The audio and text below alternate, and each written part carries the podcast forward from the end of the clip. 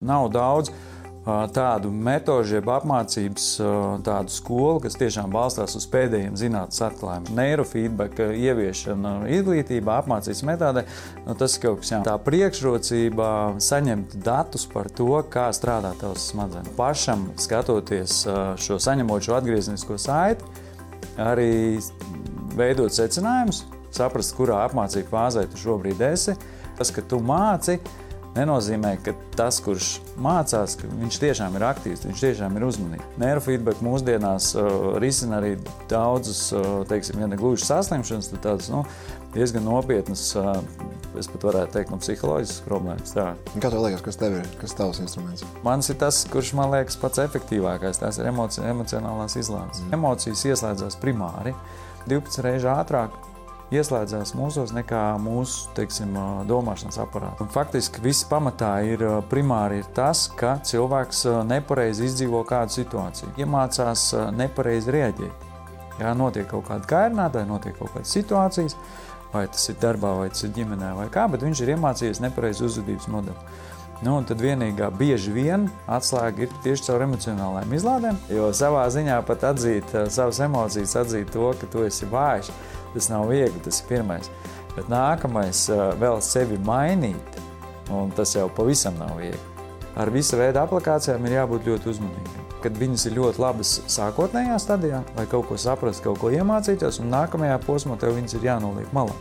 Jā, ja tu vēlies pakontrolēt savu miegu, pakontrolē, atlikt malā, saprati, kas tevī notiek, ka nav šis tagad tā, nu, visa veida treniņi, kuri ir ilgst dienu, divas vai pat trīs, tā ir tikai tāda viegla uzlādēšanās. Jā, bet patiesībā, kas jebkuram cilvēkam viņa attīstības posmā pietrūkst, tā ir vide. Ļoti daudz apmeklē kaut kādu veidu seminārus un, un, un kaut kādas, teiksim, arī apmācības vienas vai trīs dienas gada garumā. Nu, tā ir ļoti laba barība jūsu prātam, jā, bet vai jūs mainīsieties? Visdrīzāk, ka nē. Kāpēc? Tāpēc, kad atgriežoties tajā pašā vidē, kurā jūs esiet, atgriežoties pie saviem tuvākajiem cilvēkiem, viņi būs pirmie, kuri jūs bīdīs apakaļ tur, kur jūs bijāt vakardien. Kas ir 21. gadsimta izglītība un kā tā atšķirās no 20. gadsimta izglītības? Kas ir tās nianses, ko mēs varam mācīties no tehnoloģijām, kā mēs varam izmantot tehnoloģijas, lai labāk mācītos, lai mums vieglāk un produktīvāk būtu sasniegt savus mērķus, par to, kas ir fokus un kāpēc cilvēkiem neizdodas noturēt fokusu un kā uzlabot fokusu, noturēt daudz, daudz ilgāk. Man bija saruna ar Oskaru Grīsli. Un patiesībā šī saruna bija ļoti aizraujoša, un, un tev viņa noteikti patiks, jo mēs runājam arī par tādām lietām kā emocionālās izlādes un emocijas kopumā. Kāpēc ir svarīgi just savas emocijas, kāpēc ir svarīgi sakārtot savas uh, attiecības ar vecākiem, ar tojiem cilvēkiem, un lai justos daudz, daudz vieglāk ikdienā. Par to arī, kā atrast laiku sev, kā atrast laiku ģimenei, lai varētu visas savas dzīves kategorijas piepildīt, lai tu justos piepildīts. Par šo un daudz ko vairāk tu noskaidrosi nākamajā podkāstā. Tāpēc skaties, piedalies, komentē un tiekamies jau studijā. Sveicināti, mīļie! Mani sauc Jānis Bruns, un šī ir dzīves virsotne. Ar mani šodien kopā ir Oskars Grīslis. Oskars pēdējos 12 gadus ir veltījis psiholoģijas un personīgās izaugsmas tēmām, pievēršot padziļinātu uzmanību tieši praktiski izmantojamām zināšanām. Sākotnēji apgūst NLP, studējis terapeitisko hipnozi.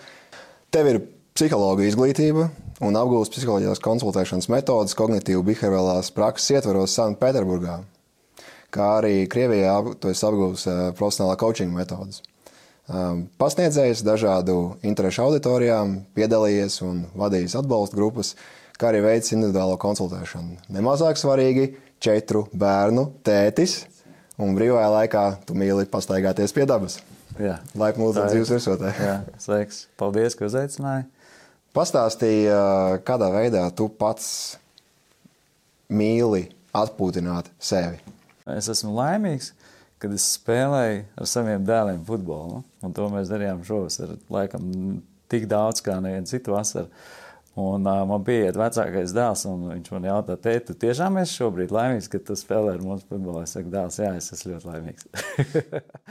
tādi mazās laimes gūšanas veidi man ir katru dienu vismaz 3-4, kas jau faktiski ietver ikdienas prakses dažādas. Ko tu tur ārpus savas ģimenes laika?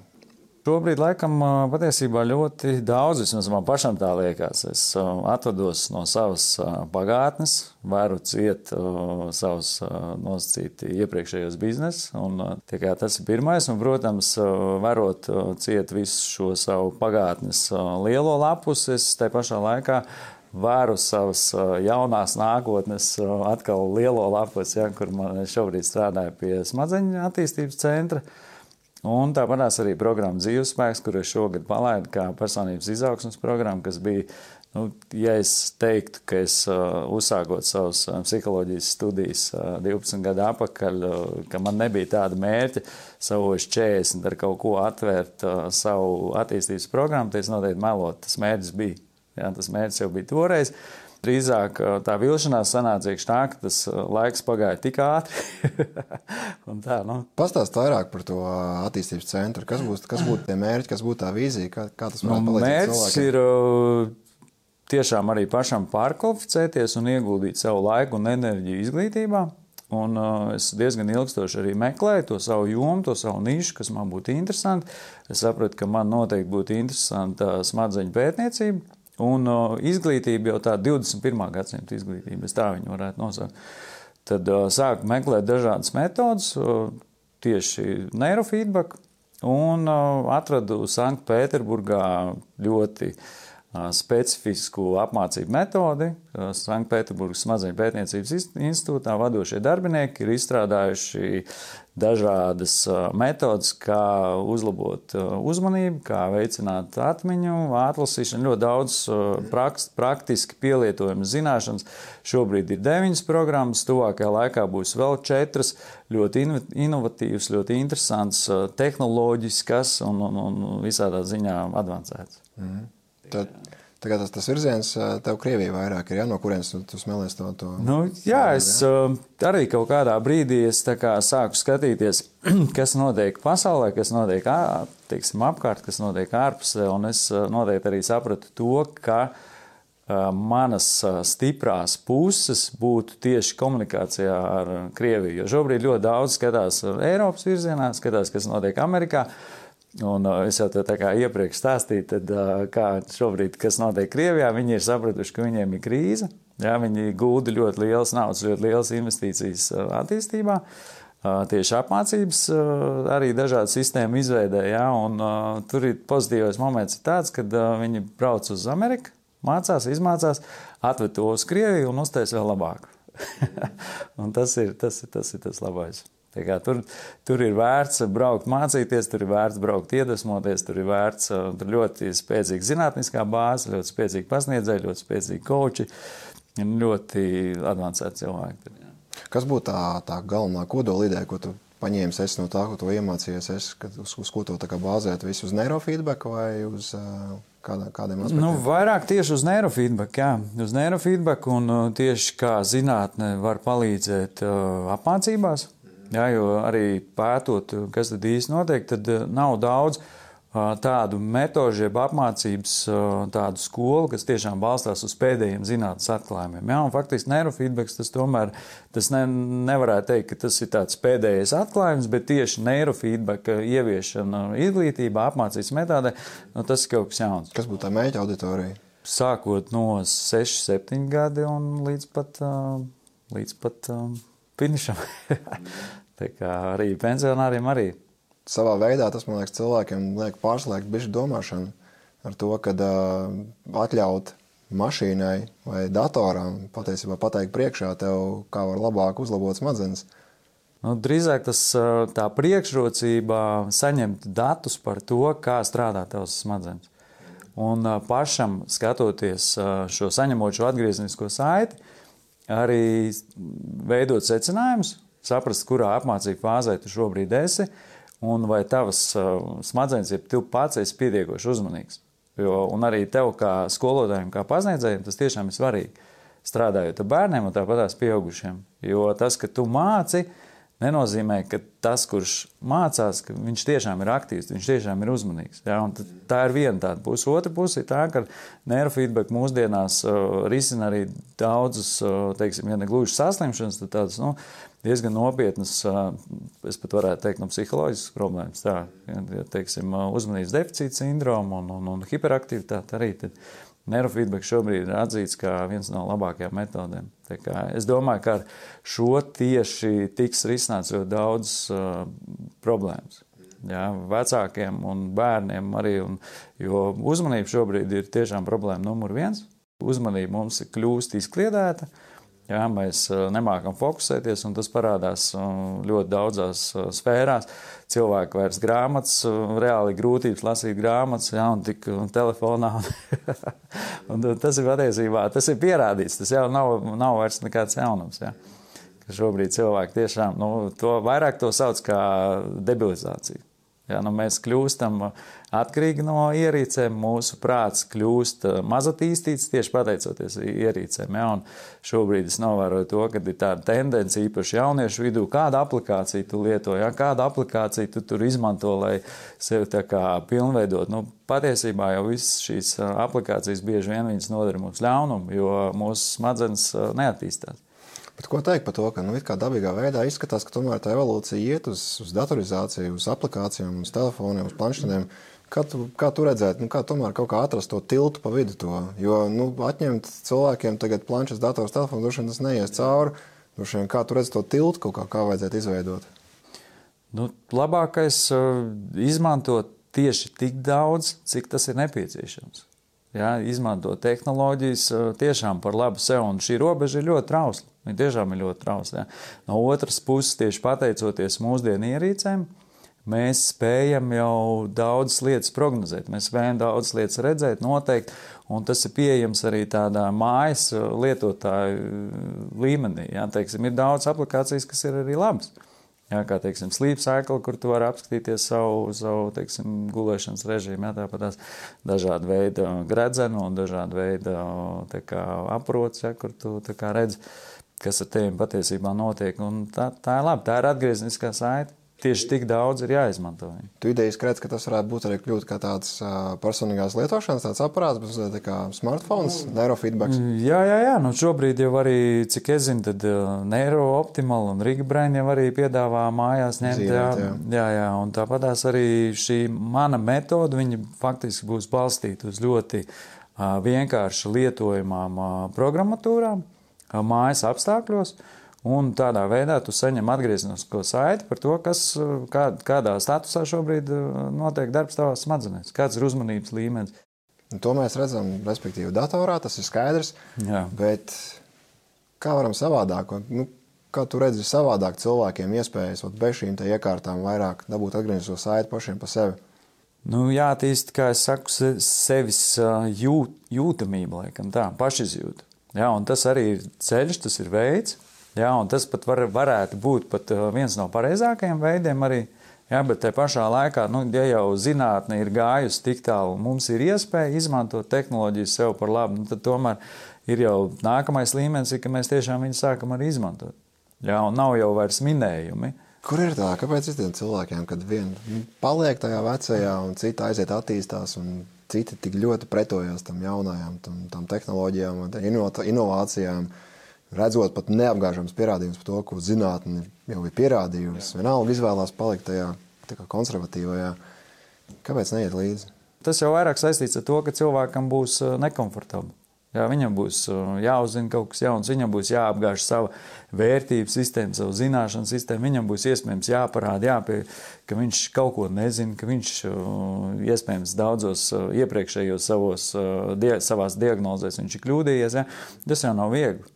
To jau mēs zinām. Jā, tas ir pats grūtākais. Tu savos pasākumos viens no tādiem, varētu teikt, produktiem ir emocionālās izlādes. Pastāst par to vairāk, Kā tieši emocionāls izlādes? Kā nonāca pie tā, kāpēc tas ir svarīgi? Tas uh, ceļš jau laikam arī man pašam tajā sevis izglītošanā bija diezgan interesants. Jā, tādā ziņā, kad uh, sāku es ar NLP. Un uh, NLP tur vairāk ir tomēr šis arī prāts un, protams, arī emocijas, bet uh, ne tajā prizmā, ne tajā skatījumā. Ja? Tajā brīdī, kad es uh, apgūvu NLP, tur bija vairāk uh, par runas paterniem, par to, kā mēs runājam, par komunikāciju, par tādām lietām, jo faktiski jau no NLP arī radās hipnoze. Jā, tieši kā ar saviem vārdiem ietekmēt cilvēkus. Un tad, tad protams, izstudējot NLP, tad sāku aizgāju uz Rīgas pedagoģiskā augstskolu, pabeidzu bakalaura. Un tajā brīdī man parādījās viena tāda unikāla iespēja pamācīties pie Jeļņēnas Česnekovs, kas savukārt ir terapeita no Pēterburgas. Un ar šīm savām metodēm ir izārstējis pats sev, palīdzējis daudziem cilvēkiem. Nu, un arī šo divu un trīs nākamo gadu apmācību laikā arī apguvu šīs metodas. Un tad tiešām jau arī saprast, cik tomēr ir svarīgi šīs emocionālās izlādes, cik bieži vien bailes mūs notur kaut kādiem nākamajiem soļiem, un cik prāts ir bezspēcīgs attiec, un kļūdains bieži vien. Ja, tikai dēļ tā, ka mēs esam kaut kādas emocionālās situācijas nepareizi izdzīvojuši. Un tad jau pēc šīm desmit gadu studijām, tad jau tā kā salikās vairāk, kas ir prāts, kas ir emocijas, kāda ir šī kopdarbība, protams, kopā ar jau ar nākamajiem zinātnes atklājumiem.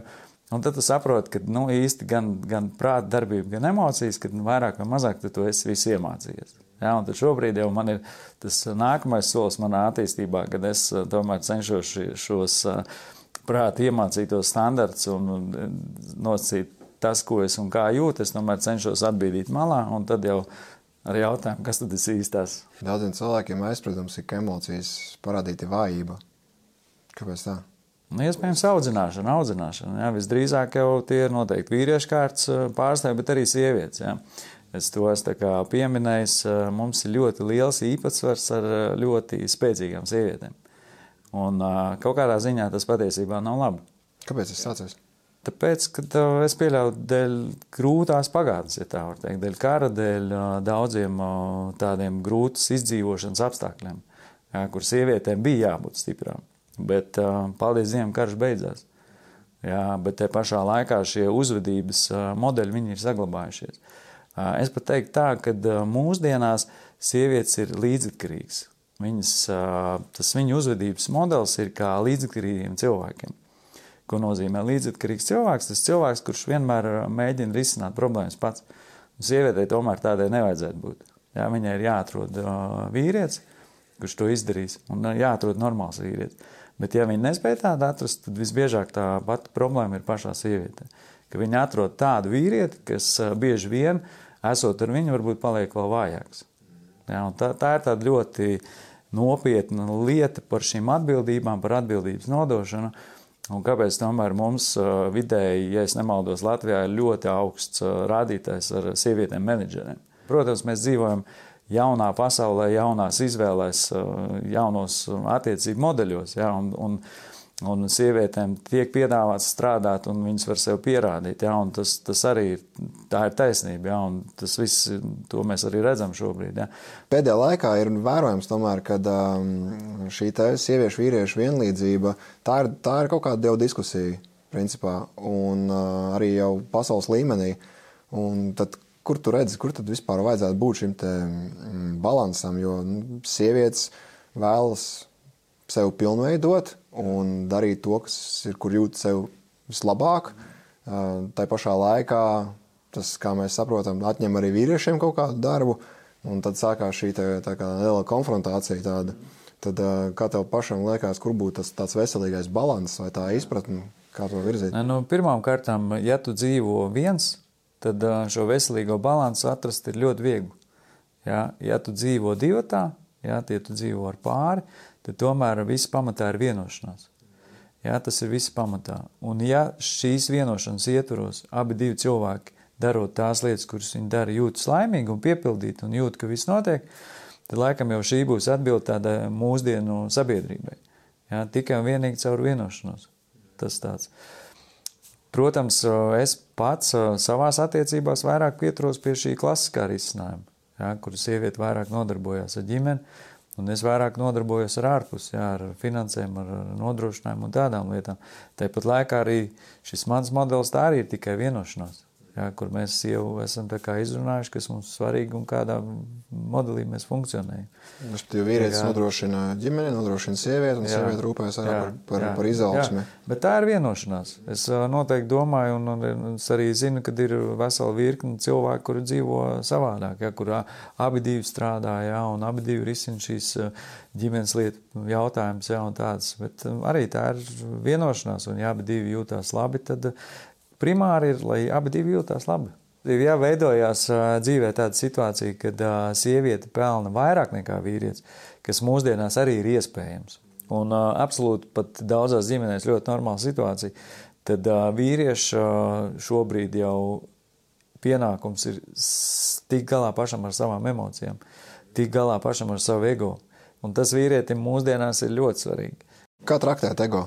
Ego pēc būtības vairāk tā ir tāda prāta, instinktu un arī daļēji arī emociju tāda kopdarbība. Mūsdienās ir ļoti moderni runāt, ka ego nav vajadzīgs, ego ir, ego, ego ir jāiznīcina. Jā, es drīzāk domāju par to, ka ar ego ir jāmāk sadzīvot, ir jāmāk saprast, kas tas ir, jo visa sabiedrība ir veidojusies pateicoties ego. Arī dzīvnieku pasaulē ir ego izpausmes. Jā, ego pēc būtības tās ir mūsu instinktīvās izpausmes. Mums kā esot kā bara dzīvniekiem, jā, esot sabiedrības uh, locekļiem un esot uh, tādām radībām, kurām ir svarīgi būt uh, barā, ir svarīgi hierarhija, ir svarīgi dominēt, ir svarīgi sev pierādīt. Tas ir ego, tie ir instinkti. Jā, tur pat prāta nav nosacīta. Tas ir tādas pamatprogrammas, kuras ir stipri dziļāk mūsos. Ja. Protams, mēs varam runāt par garīgām lietām un par uh, dažādām izaugsmas tēmām un tā. Un teikt, ka nē, ego ir slikts. Es neteiktu, ka ego ir slikts. Ja. Ego kaut kādā brīdī tev ir nepieciešams. Ja. Ir nepieciešams, uh, ego dod spēku. Ja. Spēku pastāvēt šajā, šajā pasaulē. Ja, un, uh, bieži vien nu kā, atsakies no ego, atsakies no it kā, kā ego būtu tas uh, vislielākais ļaunums. Nebūtu, nē. Ja, ego kaut, kaut, kādās, kaut kādā brīdī viņš tev ir nepieciešams. Runājot par garīgumu, kā tur redz reliģijas ietekmi šeit un integrācija tajā visā? Vai reliģija ir aktuāla vēl 21. gadsimtā? Nu, reliģija noteikti kādam ir aktuāla. Jā, nu, man, es pats neesmu gluži tāds ļoti reliģijos cilvēks. Jā, man ir vairāk šī mana iekšējā ticība. Uh, Un tieši šī spēja skatīt pasauli bez šīm klišejām, bez šīm priekš, priekšrakstiem, jā, kaut gan no otras puses, protams, viņi ir nepieciešami.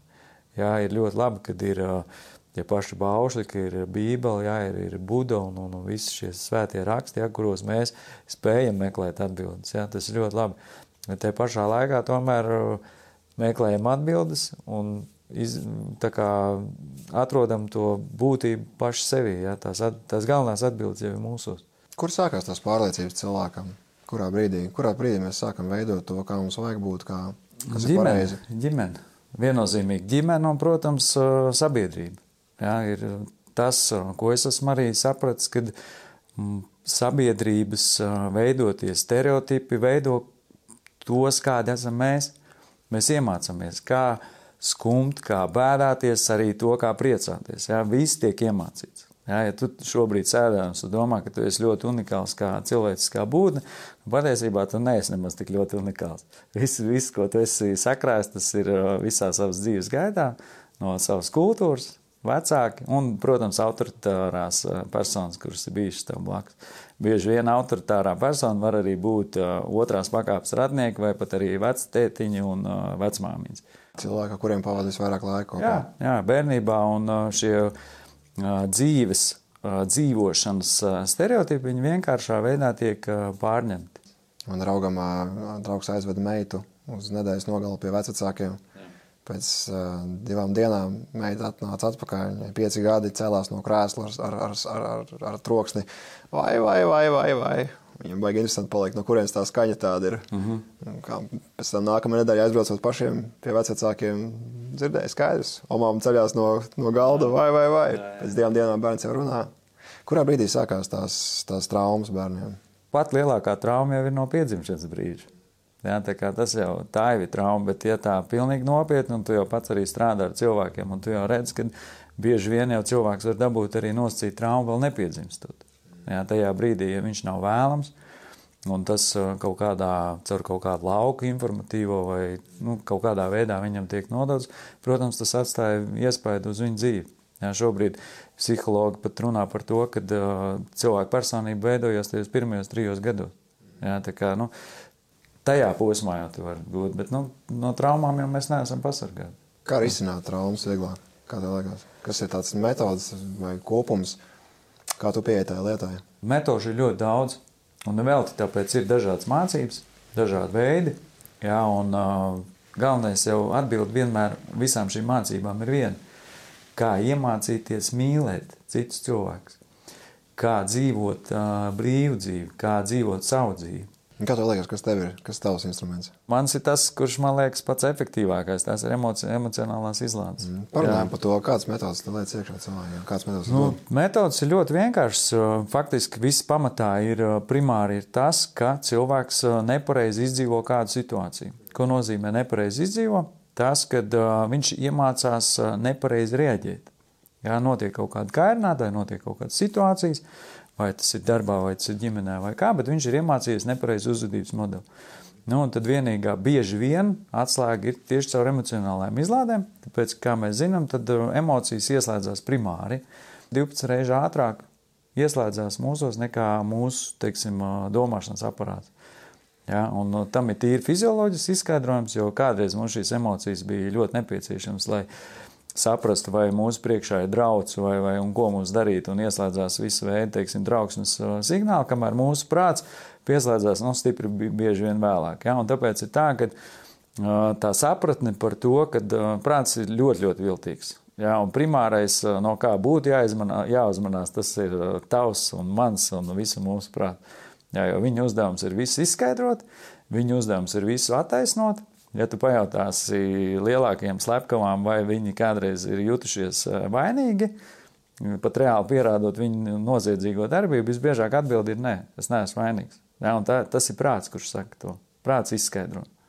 Ja, bet tajā brīdī viņš atradās emocijās, viņš bieži vien pat neatcerās, ko viņš un kā viņš ir izdarījis. Ja, un pēc tam savukārt prāts jau ar laika gaitā jau pats eh, tevi attaisno. Ja, un šobrīd jau arī ir pierādīts, ka attiecībā no tā, vai tev ir nepieciešams lēmums sev par labu, vai tu vēlies kādu vainot, arī prāts izdomās, ko, ko un kā labāk darīt, ja, kādu pozīciju ieņemt. Vai vainotāji, vai attaisnotāji. Ja, un, nu, tas ir atkarīgs no tā, kas tu esi. Vai tu esi vainīgais, vai tu esi vainotājs. Ja, attiecībā no tā arī prāts izdomās, ko un kā tev pašam pateikt. Daudz cilvēki saskaras to, ka daudz cilvēku saka, ka viņi jūtas diezgan kā pavardzināt ar savām emocijām. Un iestājas vienā brīdī tāda tā bezpalīdzības sajūta. Nu, noteikti tā, nu, tā ir bezpalīdzības sajūta, tāpēc ka tajā brīdī, kad tev ieslēdzas emocionālās reakcijas, tu totāli zaudē kontroli pār sevi. Tieši tajā brīdī, kad notiek, kad tu dusmojies, kad tu jūti bāzi, kad tu jūti stresu, tu bieži vien neko nevari ar sevi padarīt. Tikai pēc tam, analizējot, saprotot, ja, kā es, restīvi šīs trīs prizmas, kā es jūtos, Kā es, kā es, ko es domāju, kā es jūtos un kā es uzvedos. Un ar to, to arī tās tavas atslēgas, ar ko tu vari to risināt. Tas ir iespējams preventīvi, kā sev uztrenēt ar to, ka mēs sākam jau ātrāk un ātrāk. Jā, jā, protams. Un, un tas ir stāsts par apziņotību. Tas ir stāsts par apziņotību. Tiešā veidā arī manas pašas lielākā izaugsme laikam ir tieši pēdējos gados, kad sāku meditēt, kad sāku pievērst tieši šai savai prāta darbībai un emocijām, jā, skatīties, kā es uzvedos tieši attiecībā uz saviem labākajiem skolotājiem, uz saviem bērniem.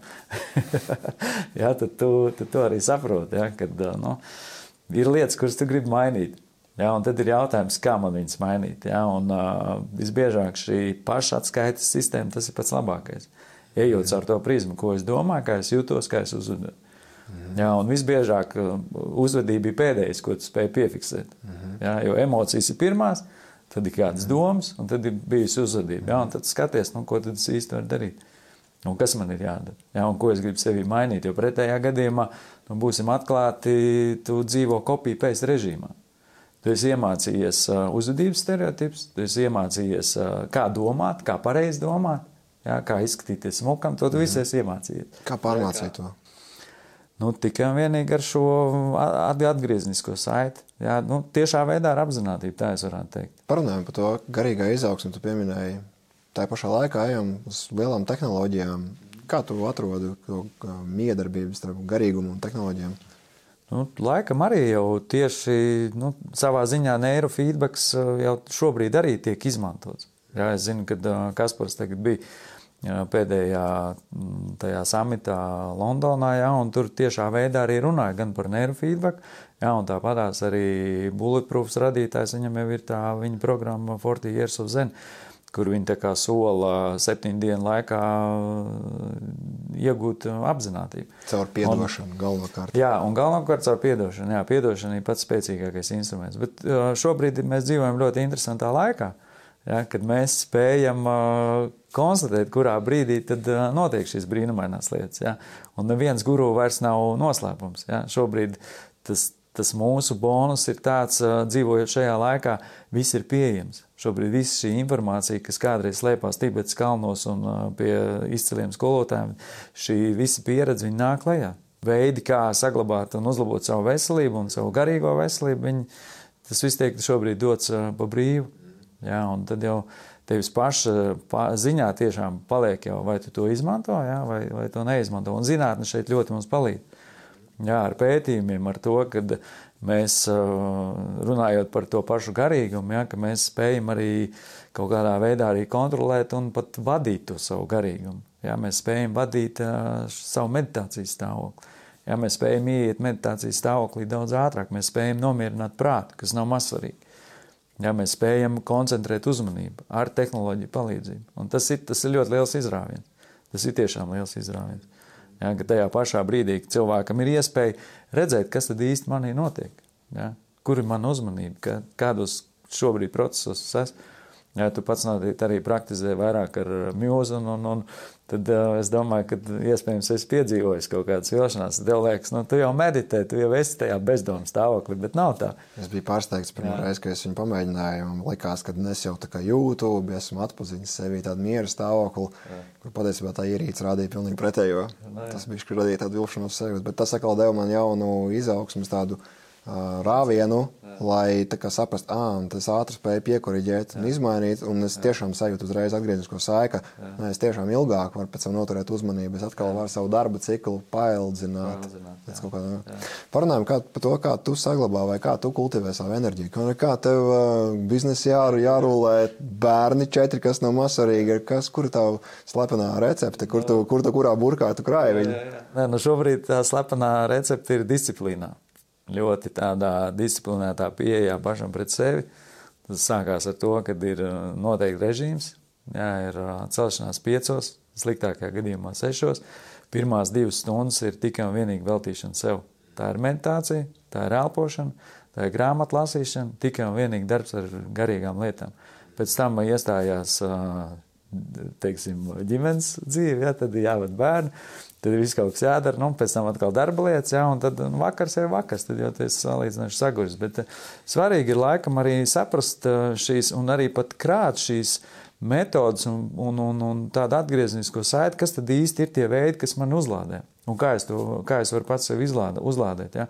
Es uh, katru dienu nosacītu miksēju kaut kādas 20, uh, 20 dažādas metodas. Ja, tur ir uh, augstumpeldis, tur ir uh, sauna, tur ir iešana mežā, tur ir skriešana, tur ir funkcionālie treniņi. Tad ir uh, elpošanas, jā, dažādi veidi, tad ir meditācija arī un, un, un tikai dragā. Un patiesībā jau tu jūties labi. Es ļoti labi šobrīd patiesībā priecājos par to, ka es ļoti labi sāku just, ka es kaut ko izlaižu. Kad es izlaižu meditāciju no rīta, kad es izlaižu elpošanu, es to uzreiz uh, sajūtu. Es apēdu vairāk uh, vakarā nekā vajadzīgs. Un kādreiz visas šīs lietas es nejūtu. Ja, tu vienkārši dzīvo tādā, tādā ritenī, un nu, tu vienkārši dzīvo. Ja, un, un, un, un, un tā, tas ir tas, ko man liekas, ka katram mums ir jāattīst šo pašizjūtu, jā, sevis izjūtu. Jo viens ir, protams, tas, ko tev parāda ierīces un ko tu spēj nokonstatēt, izmērot kaut vai pulsu vai tur HRV, kaut kāds tāds visāds interesants rādītājs, jā, bet te pašā laikā, kā tu jūties. Ja, un kāpēc tu šodien jūties netik labi, kā jūties vakar, kāda ir šīs likumsakarība un kas tev ir jāievēro. Ja? Un tas nav viegli. Tas nav viegli. Ja? Man patīk tāds piemērs, ja, par, kas ir patiesībā ļoti reāls piemērs par neaborigēniem. Par to, ka uh, viņi kādreiz uh, nes, nesavilkas šo saikni nodarbībām ar seksu un bērnu dzimšanai. Ja viņi to nesaprata. Ja, paiet deviņi mēneši un pēkšņi nu, nu, piedzimst bērns. Ja. Un man liekas, ka kaut kādā brīdī arī savā attīstībā mēs esam kaut kur līdzīgi. Ja? Kad uh, mēs pat neatceramies, ko mēs darījām aizvakar. Mēs atceramies, ko mēs darījām vakar, bet, protams, šīs enerģijas ietekmes uh, ir diezgan tāds nu, būtisks. Ja? Tas, tas, ko tu darīji, es domāju, pat uh, nedēļas. Un šobrīd pat es noslēdzos uz to, ka šie tavi ikdienas ieradumi, viņi tomēr summāri krājās. Ja viņi veido kaut kādu kapacitāti, viņi veido Nav tā, ka šī, teiksim, vienas, divas dienas ietvaros tu pameditēji un kaut ko padarīji ar sevi un uzreiz super sajūties. Nē, drīzāk tas ir tāds metodisks darbs ar sevi. Tāpat, tad, kad tu ej trenēties uz sporta zāli, tad arī tie labākie rezultāti, viņi sāk nākt pēc deviņu mēnešu tādas cikliskas nodarbo, nodarbošanās pašam ar sevi. Jo pirmajās trijās, pirmajos trijos mēnešos tev vienīgais, kas tev ir, tev, tu dabū pienskābi, ja tu pārtrenējies. Jā, tad nākamajos sešos mēnešos tu dabū šo labo formu. Un, de, un kaut kur sākot no 9. mēneša, tu jau pamosties, un, ja tu neesi kaut ko izdarījis, tad tu jūti, ne, man vajag to izdarīt.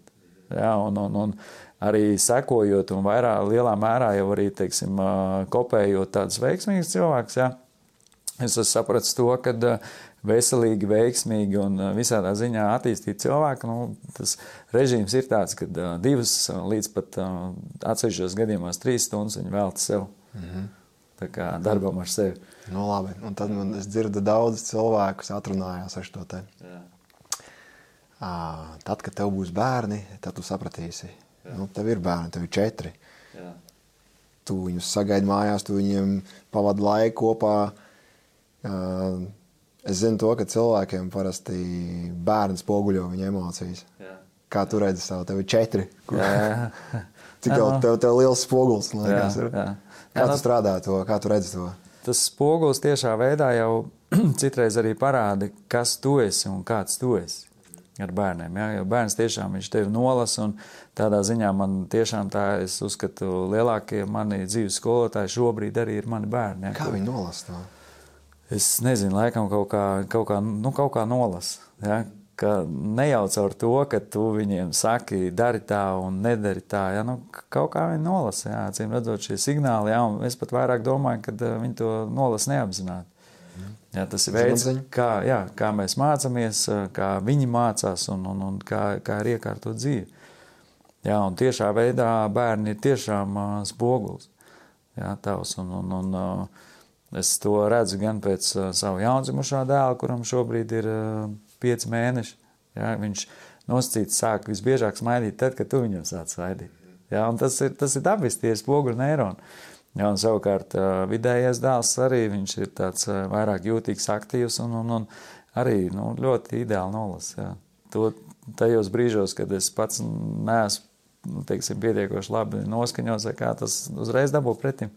kā tu rīkojies brīžos, kad, nu, kad kaut ko notiek, viņam kaut ko saplēš, viņam kaut ko izlēja, nu, kaut kādā brīdī iespējams emocijas kaut kāds arī nu, parādās. Jā, kā to ar emocijām dīlot? Jā, situācijas ir ļoti dažādas, un arī šīs uh, atkarībā no tā, cik tajā brīdī pats esi apzināts. Jā, un es arī varu atzīties, man ir situācijas, kad es uh, eju, teiksim, veco kaut kādu emocionālo uzplūdu pavadā, jā, ka tu, teiksim, uh, Nu, uzvedies, varbūt. Un tu pēc tam saproti, jā, nu, tā, tā nevajadzēja. Jā, un tad uh, sagaidi to nākamo situāciju, un tad tu piefiksē, o, šī ir tā situācija, un ko man darīt. Jā, un vēl ir labi tas, ka uh, tu, protams, iepazīsti šo katru bērnu kā personību. Jā, tu saproti, un tiešām es varu teikt, ka ir četri bērni, un katrs no viņiem ir savādāks. Un katram no viņiem ir vajadzīga citādāka pieeja. Jā, tas ir tas, pie kā es šobrīd arī strādāju. Šobrīd no Krievijas atradīšu tādu unikālu motivācijas sistēmu, un arī teiksim, bērnu talantu noteikšanas sistēma, kur uh, mēra gan uh, tavu teiksim, temperamentu, gan arī tavs uh, nosacīti refleksās uh, reakcijas pēc Pāvlova. Jā, un tiešām mēs, un, un tajā, tajā kombinācijā rodās uh, ļoti interesants personības, un arī sapratni par to, ka ir dažādi veidi un pieeja. Ja, ja vienam ir vajadzīgs uzmundrinājums, uh, Un nekādā veidā tu uz viņu nedrīkst dusmoties, nedrīkst izrādīt savus dusmas. Tad citam ir tieši vajadzīgs, ka tu uz viņu nedaudz sadusmojies un palīdz viņam, jā, caur to viņš pēc, pēc tam samīļojas un viss ir kārtībā. Tā kā, un, laikam jau tieši šīs psiholoģijas studijas lielā mērā parāda un iemāca to, ka mēs esam tik ļoti dažādi. Jā, mēs esam tik dažādi, un, un, un katram no mums ir vajadzīga savādāka un citādāka pieeja. Un ņemot to vērā arī mūsu pieredzi un, un, un pagātni. Kā tev liekas, kas ir spēcīgs cilvēks? Spēcīgs cilvēks ir noteikti labsirdīgs cilvēks. Jā, es kādreiz to varbūt tā nesapratu, bet aizvien vairāk un vairāk manī nāk šī atziņa par to, ka īpaši vīrietis, ja, īpaši vīrietis, jo spēcīgāks, jo labsirdīgāks. Ja, un, un, un labsirdīgāks izpausmies tieši ģimenē. Daudz vīriešu baidās izrādīt savas sajūtas un emocijas. Jā, nu, kā jau mēs tā kā pieminējām, stereotipi. Stereotipi audzināšana un, un, un teiksim, tēls, kuram tev ir jāatbilst, bet, protams, arī kaut kādā ziņā arī iedzimtība. Ja, nu, ir uh, vīriešiem šī uh, emocionālā sfēra, viņiem ir mazāk attīstīta. Ja, tas šobrīd ir pierādīts. Ja, un, un, un tāpatās arī saiknes starp abām divām mazajām puslodēm arī tomēr vīriešiem ir mazāk. Ja, līdz ar to šie signāli iziet uh, mazāk. Ja, un vēl jau vairāk, ja kaut kas netiek trenēts, tad viņš tiek uh, aizmirsts. Ja, un bieži vien es drīzāk domāju tā, ka vīriešiem šīs emo, emocionālās sfēras, viņiem nu, kaut kādā ziņā vienkārši snauduļo. Kā varētu uzlabot to emocionālo atpazīstamību? Emocionālo inteligenci. Jautājums, vai tas katram tieši ir vajadzīgs, jo, zin kā, viens ir tas, ko tu saproti, ko tu redzi un ko tu gribētu, un kaut kas pavisam cits, ko pats šis cilvēks grib un ko viņam vajag. Jā, bieži vien viņam tas nav vajadzīgs. Un ar to arī viss beidzās. Jā, tu vari to popularizēt, tu vari stāstīt. Protams, tu vari dot kaut kādus arī reālus piemērus un paraugus, ja cilvēkiem palīdzēt ar to. Jā. Un tā kā, teiksim, tā kā meklēt atbildes uz šiem jautājumiem, arī viņus risināt. Jā, bet uh, tomēr tā galvenā atslēga ir iekš tā, vai tiešām tam pašam cilvēkam ir šī vajadzība, vai viņš uh, saskata šo vajadzību, vai viņš viņu izjūt. Jā, jo, Nu, būsim atklāti, bieži vien uh, problēma ir ne jau tam, kuram ir šī problēma. Problēma ir visiem apkārtējiem. ja, nu, tā, tā tā dzīve ir iekārta. Tiešām teiciens, ka galvenais, jā. lai citiem interesanti dzīvot. Jā. Jā, jā, jo savā ziņā pat atzīt savas emocijas, atzīt to, ka tu esi vājš, tas nav viegli, tas ir pirmais. Bet nākamais vēl sevi mainīt, un tas jau pavisam nav viegli. Jā, tas, nu, tas tiešām nav viegli. Kas ir tavi instrumenti, kā tu ej cauri pārmaiņām? Tieši personīgi, ja domāju, ja? nu, kā jau teicu, laikam šī apziņotība. Jā. Tas ir tas instruments un, un, un meditācija. Jā, meditācija un arī nu, tiešā veidā arī pašam darbs ar sevīm. Tajā brīdī, kad tu strādā ar cilvēkiem, kad tu saskaries, tu risini šos jautājumus, protams, arī tu audz pats. Jā, tu redzi tos jautājumus, kas tev pašam ir jārisina. Jā, un primāri jau, kā es teicu, attiecības ar tēvu, nu, katram uh, vīrietim būtu viņas, uh, viņām jābūt sakārtotām. Jā, un, un, un ir tā, ka kādam paveicās, jā, ir labi lab te, teica mamma, jā, un uh, noscīt, un citam paveicās uh, savādāk, jā, un tad jau ir tevis paša ziņā, ko tu no tā viss vēlies izlobīt un ko tu vari izlobīt. Jā. Bet, ja tev nebūtu šī pieredze, tad arī daudz lietas arī nemaz nesaprast. Es pieņemu tāpatās ar māti. Ne?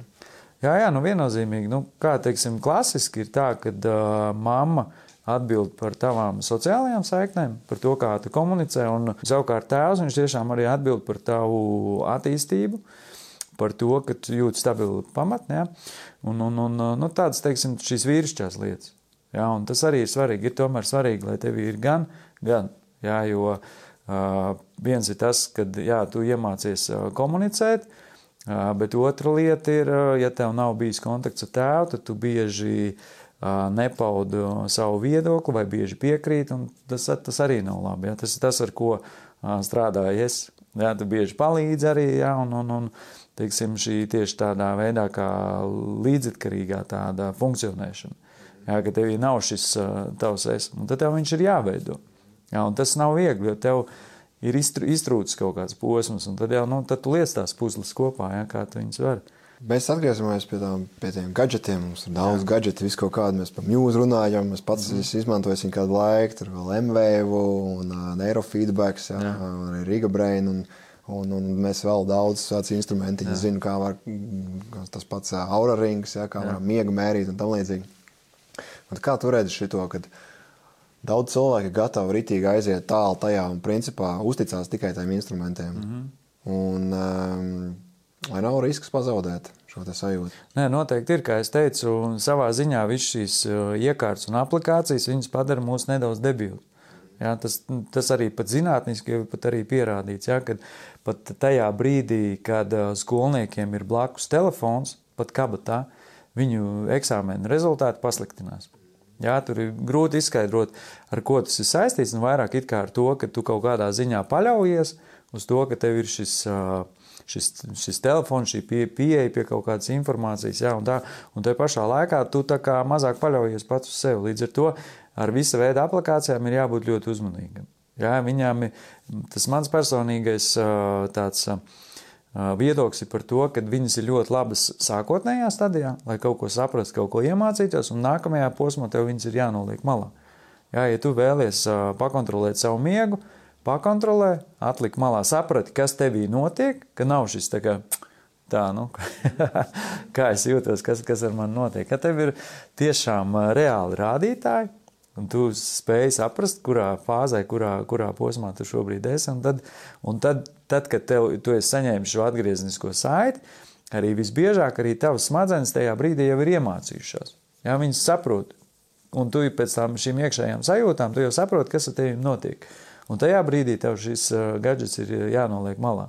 Jo pretējā gadījumā, ja tu turpinās nepārtraukt šo gadgetu izmantot, tad tev sevis tās sajūšanas un, un, un scaling spējas viņas tiešām samazinās.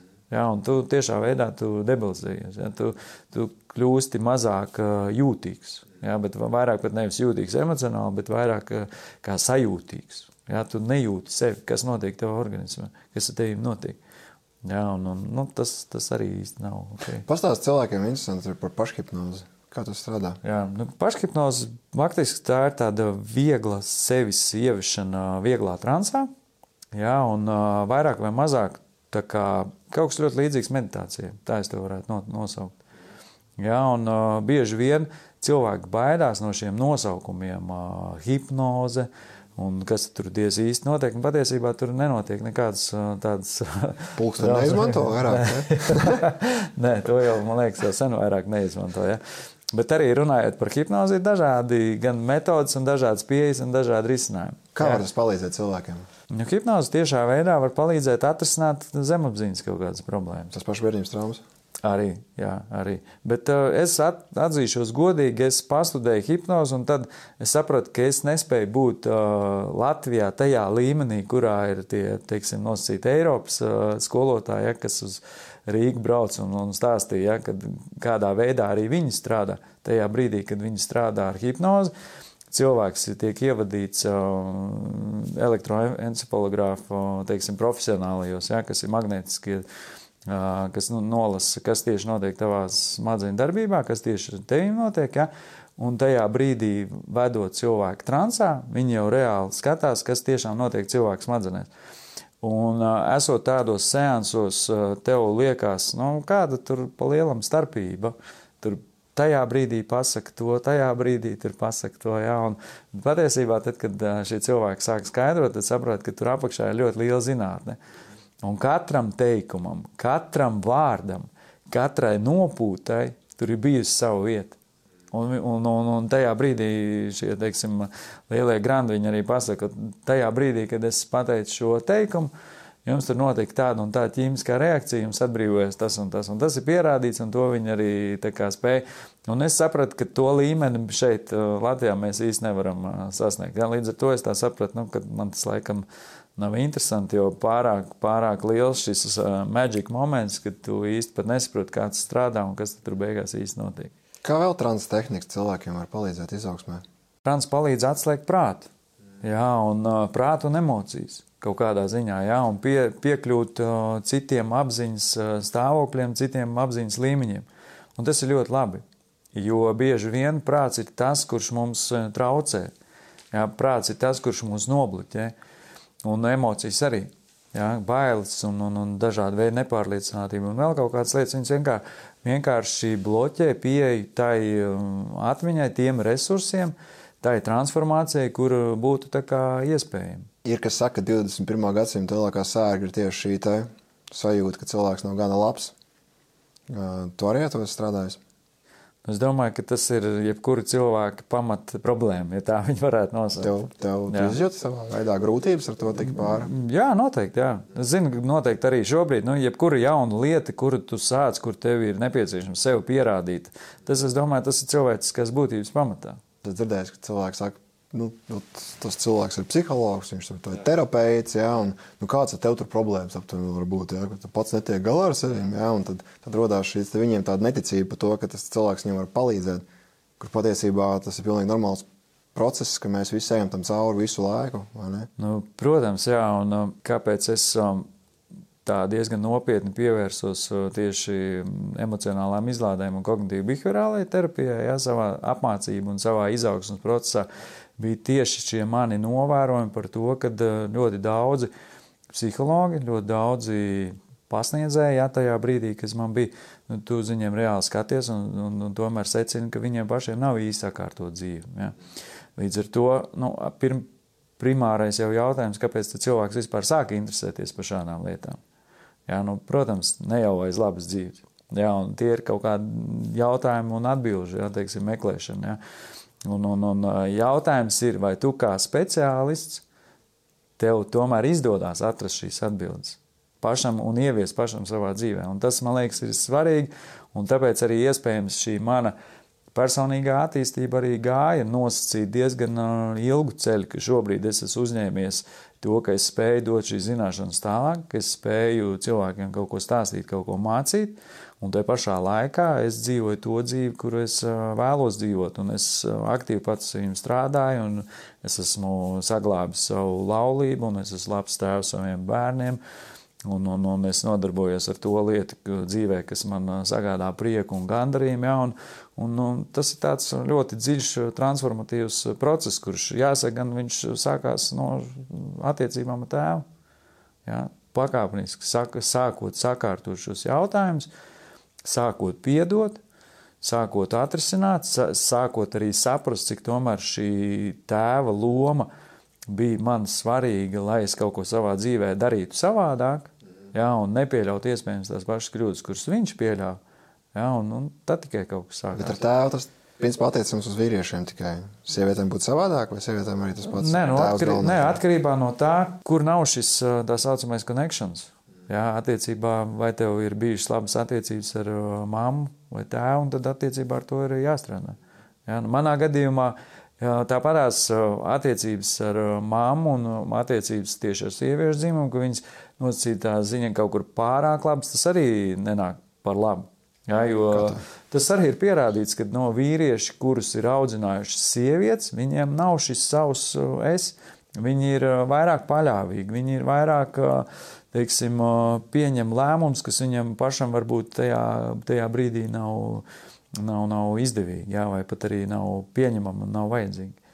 Jā, tur ir tāds koks ar diviem galiem. Protams, visam ir jābūt balansā, jā, un tev ir jābūt spējīgam atstrādāt pa sieviešu līniju labās lietas, sliktās lietas, un tāpatās pa vīriešu līniju. Nu, jautājums, kur, kur vairāk?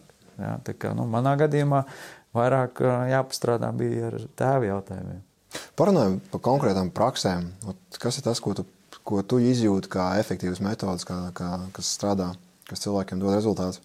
Konkrētas prakses, tu domā, kuras var ieviest uh, ikdienā? Piemēram, jā, cilvēks šo, noskatīsies šo raidījumu, viņš tā, ok, jā, izskatās, ka es ar tēvu neesmu gadiem runājis un, un jūt, ka tur vajadzētu pastāstīt, kas būtu, no kurienes sākt. Nu, tā kā ieteikums. Pirmām kārtām jau, protams, ja tu jūti, ka tev šie jautājumi nav, teiksim, sakārtot, es tomēr ieteiktu meklēt uh, psihologu palīdzību, ja psihoterapeitu palīdzību. Es to tiešām iesaku, jebkuram normālam cilvēkam, ja, atkarībā no šī problēma dziļuma.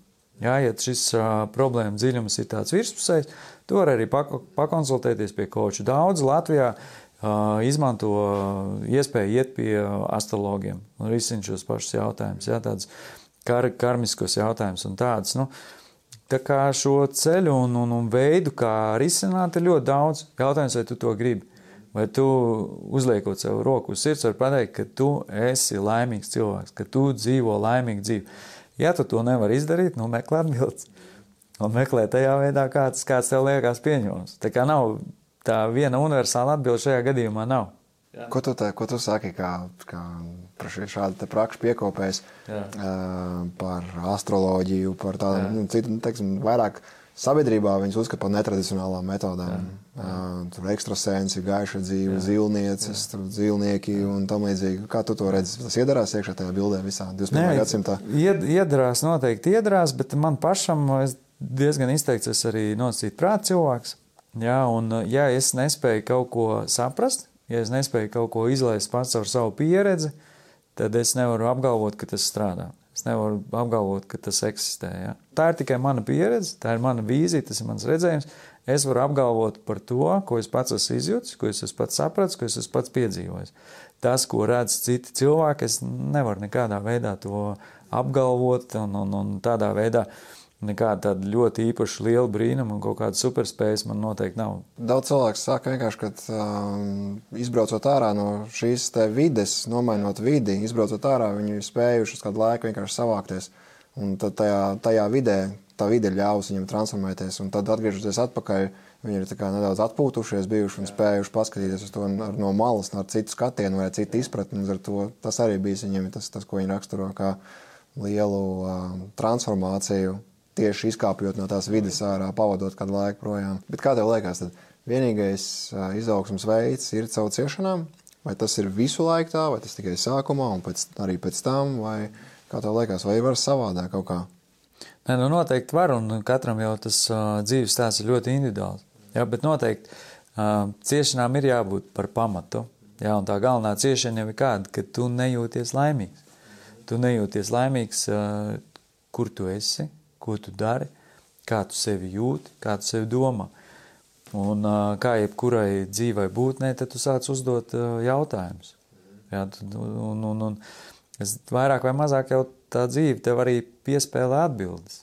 Jā, vai piespēlē situācijas, kurās tu vēl vairāk sajūti kaut ko, jā, vai nu to, ka tu esi, teiksim, apspiests vai kaut kādā ziņā nerealizējies, jā, un, un, un nu, jā, tādā veidā. Un ko tu raksturot, kas ir laimīgs cilvēks mūsdienā? Jā, nu, laimīgs cilvēks pirmām kārtām, nu, kuram tu uzdos jautājumu, vai tu esi laimīgs. Un viņš pateiks, jā, es esmu laimīgs. Jā, un tad jau šī laime jau veidojās no tādiem saskaitāmiem. Jā, kur pirmām kārtām ir veselība, tas ir primāri. Jā. Cilvēks, kurš ir slims, no nu, nosacīt, viņš var justies laimīgs, jā, bet tas ir ļoti grūti, un, un, un tas vismaz tev ne, nevajadzētu būt uh, kaut kādām fiziskām sāpēm. Jā, tas ir pir, pirmām kārtām. Otrām kārtām tev ir jābūt uh, realizējušamies uh, ģimenē, arī profesionālā sfērā, arī hobijos. Ja, ja tā skatās pēc tādas uh, klasiskā coachinga čestūra, ja, tad nu, tās tādas galvenās lietas - veselība, darbs, hobija un ģimene.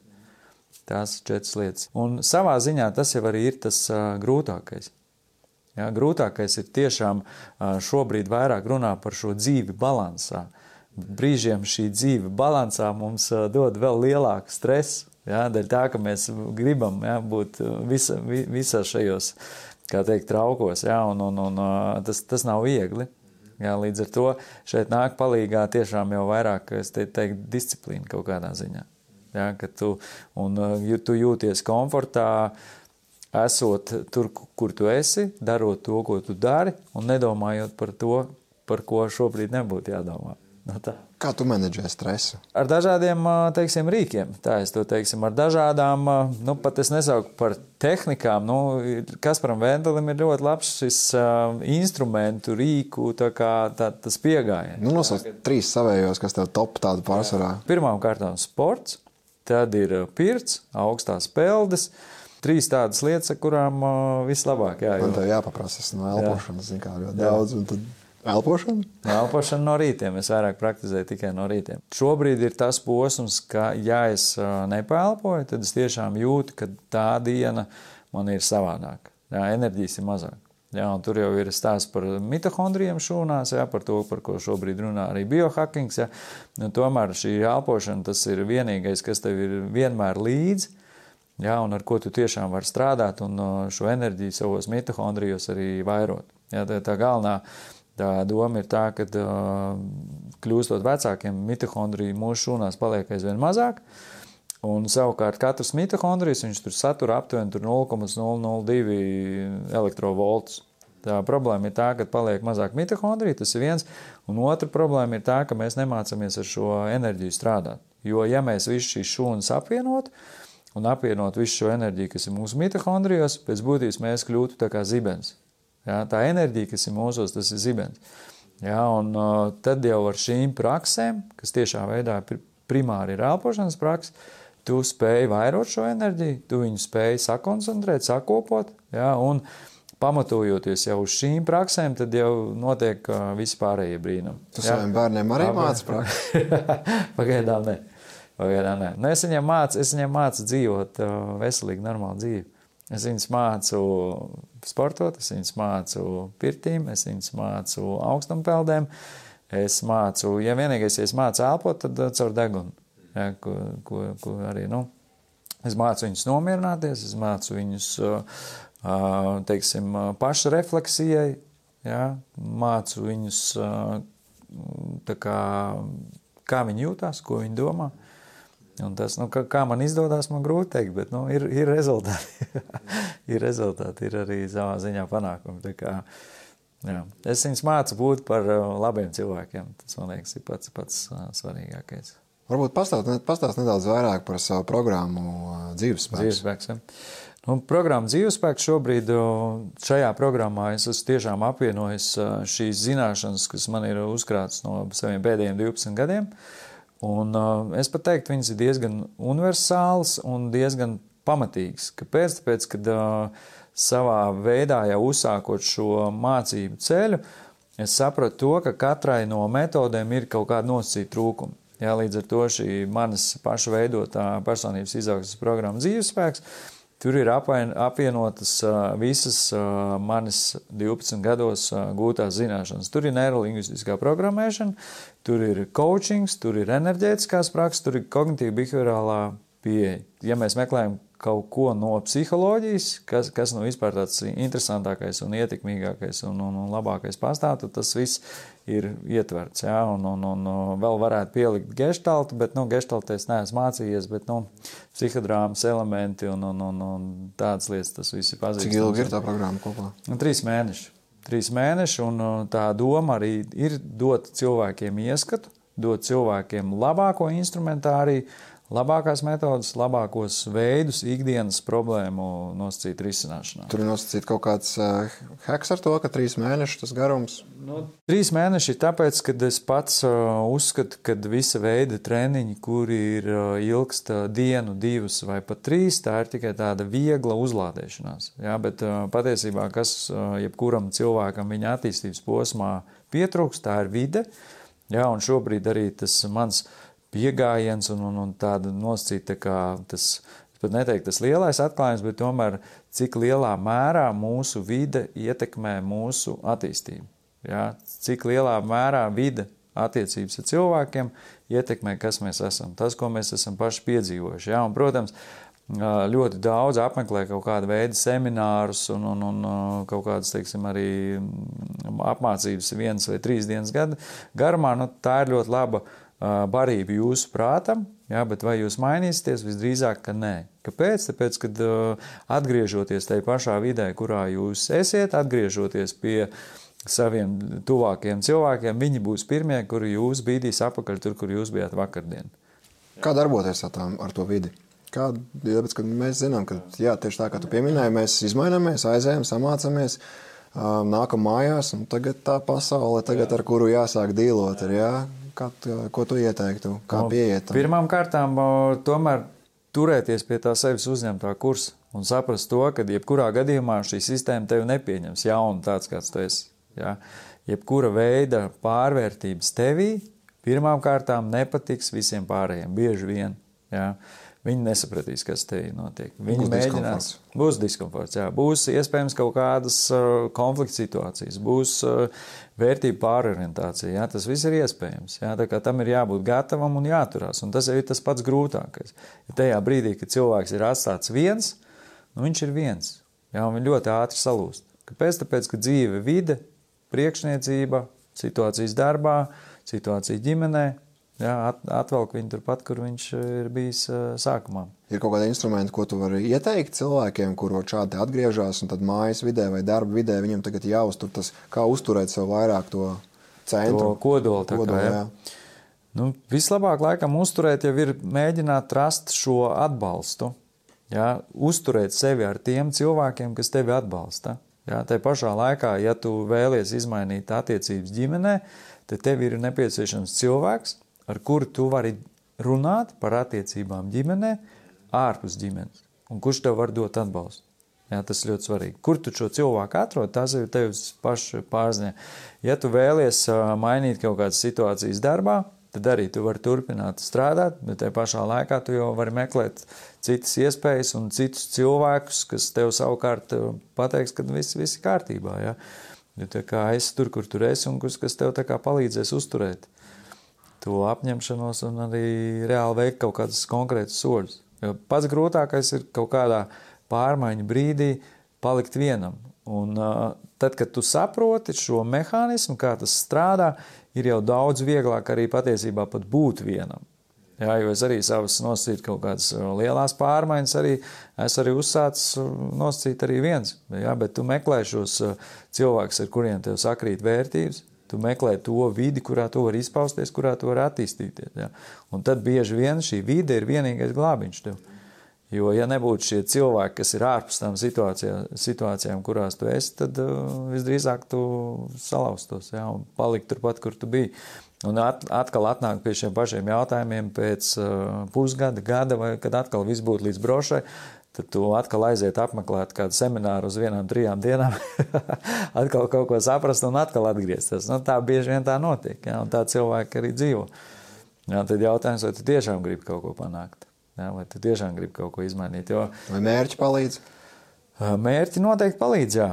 Mērķi likšana. Mērķi arī palīdz, jā, bet nu, tad ir jānošķir kāda, kāda veida mērķi, jā, jo katram cilvēkam ir sava pieeja mērķiem.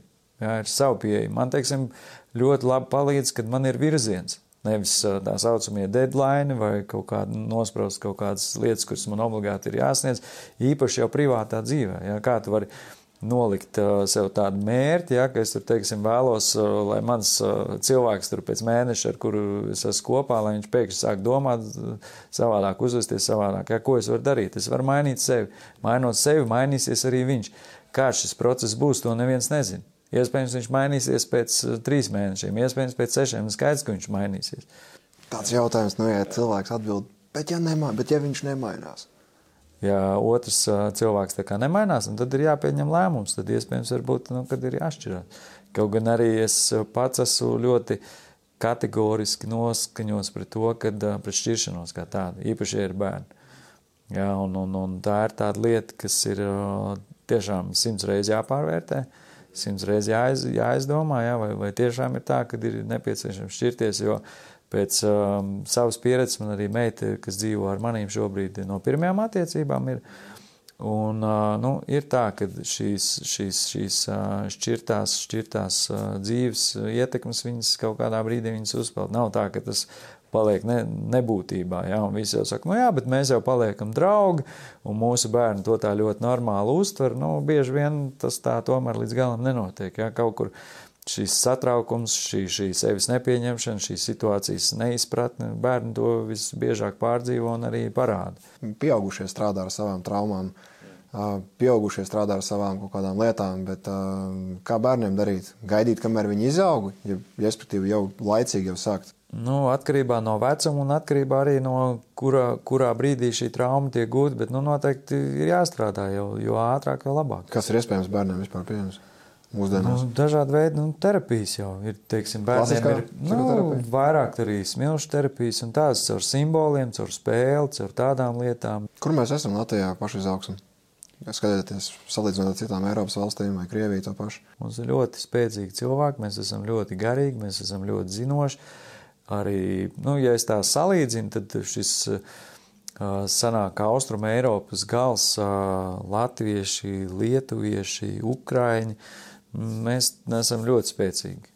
Arī, jā, un to jau mazums daudz saka, un, un, un, un nu, mums gan tā pašizaugsme un attīstība ir tāda interesanta pieskaņa, ka mēs brīžiem esam ļoti garīgi un, un mazāk varbūt pieturamies pie, pie, pie tādām klasiskām teiksim, lietām, ja, kā, kā, kā pie panākumu gūšanas un, un pie tādām lietām, kas citās kultūrās atkal ir. Ja, mēs tā bieži vien garīgi, bet tajā pašā laikā arī ļoti pieticīgi ja, un, un, un tādi. Tā kā, nu, domāšana, kā tā liekas? Jā, vairāk tāda jā, upuru, upuru domāšana, jā, un sevis, nespēja sevi novērtēt, nespēja novērtēt savas spēcīgās puses, nespēja domāt mērogā.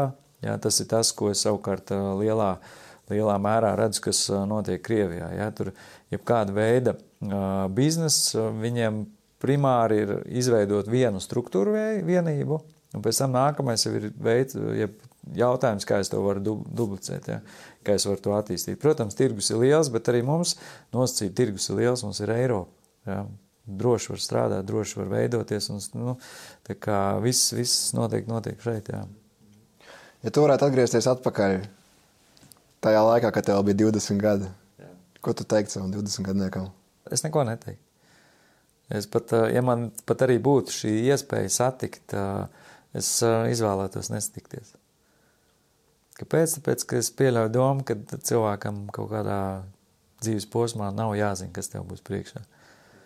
Nav vajadzīgi šie padomi, jā, jo, ja nebūtu tā dzīve, tā dzīves pieredze, kas man ir bijusi, tad uh, nebūtu tas, kas man ir šobrīd. Un šobrīd uh, es varu teikt, ka uh, viss ir ļoti, ļoti labi. no nu tā. Ko tu ieteiktu? Mirkļa instruments latviešiem, ko cilvēks noskatoties šo pārraidi, varētu nekavējoties ieviest savā dzīvē? Nu, mirkļa instruments, nu, ja disciplīnu var nosaukt par mirkļa instrumentu, tad jā, vairāk piedomāt pie disciplīnas. Jā, pie tā, kā par to piedomāt un, un saprast to, ka jebkāda veida attīstība, tas, ja ne gluži ļoti ilgs, ilgtermiņš, tad ir jārēķinās ar diezgan ilgu laika procesu. Jā, un šie mazās ikdienā veicamās darbības. Jā, kas ir tas, kur ir tā darbība, kuru tu veic, lai pēc gada sasniegtu to, ko tu vēlēji. Jā, tas, tas, tas ir tas ieteikums. Jā, un to tiešām mērā var panākt tikai caur disciplīnu. Jā, un disciplīna viņa tomēr ir jātrenē. Jā, ir jātrenē sevi šī spēja atkārtot mazas lietas uh, regulāri.